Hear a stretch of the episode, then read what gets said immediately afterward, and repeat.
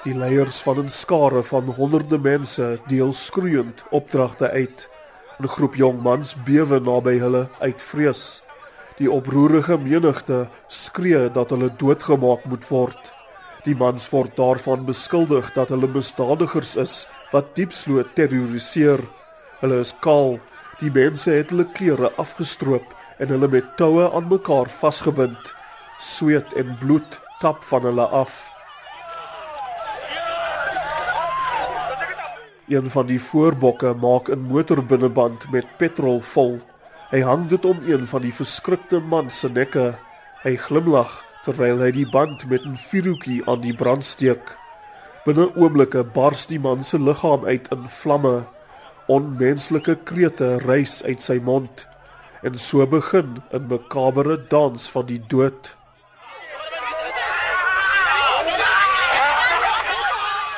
Kort daarna lê drie verkoelde lyke in die stof van 'n diepslootse straat.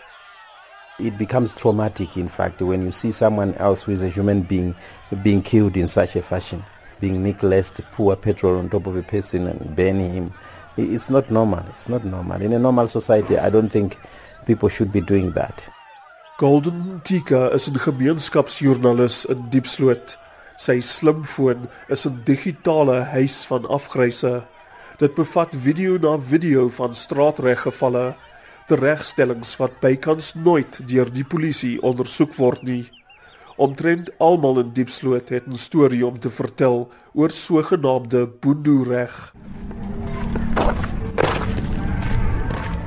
Kululeko Nube, 'n plaaslike veiligheidswag, lei die pad na 'n klipprige veld waar hy sê hy toegekyk het hoe mense wat die reg in eie hande geneem het, 'n man vermoor het.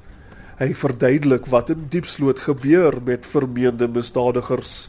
Some they burn them, you know, people they are taking their law into their hands. They catch the criminal and then they burn them. 100%. I saw them burning another guy. They were accusing him of stealing, but he wasn't the one. It was really terrible. I don't want even to talk about it because it was very painful.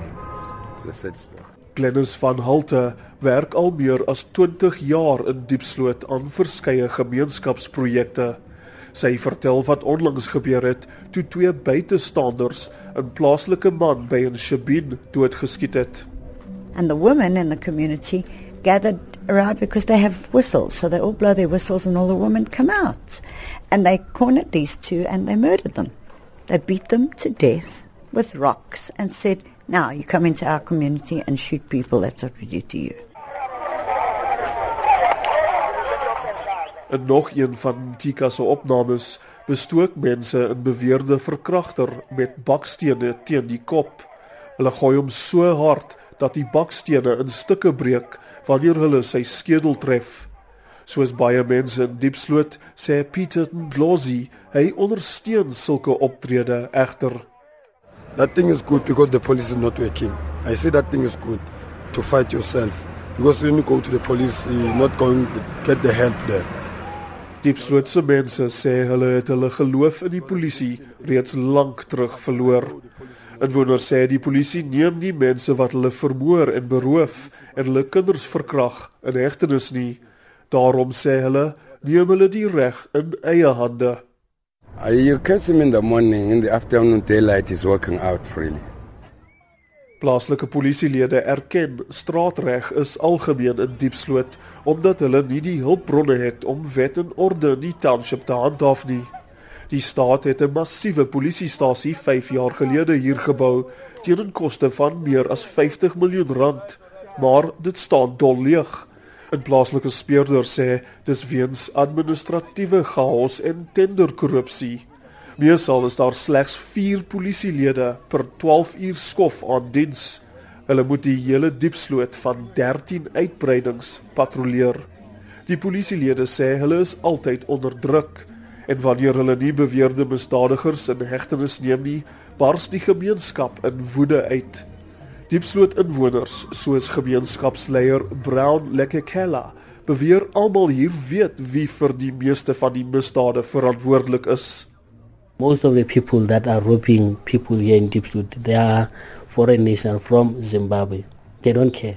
They just kill and batter and do everything to get what they want. Slagoffer na slagoffer, soos hierdie meisie wat onlangs verkrag is, wys 'n vinger na Zimbabweërs vir die misdade teen hulle. Abaro chabeti Zimbabwe motho. Zimbabwe. Een van die polisiemanne wat in Diepsloot werk, sê dis 'n feit dat onwettige Zimbabwese immigrante agter baie van die township se misdade skuil. So far, the people that were arrested with firearms, mostly they are from Zimbabwe. Hy sê dit is dus geen verrassing dat baie van die slagoffers van boendoerreg Zimbabweërs is nie. In toe deel van 'n paar maande terug, toe 'n skare in vermeende misdadiger aangeval het, is nog vars in verslaggewer Golden Tika se geheue. They started questioning him, Where original are you from? So he became scared. And he said, No, I'm from Pumalanga. They said, No bullshit. You're not talking the truth. You are a Zimbabwean and you are a criminal. You are the one that we need you. Tika het toegekyk hoe die man probeer weghardloop het met die helende skare agterna, maar toe val hy.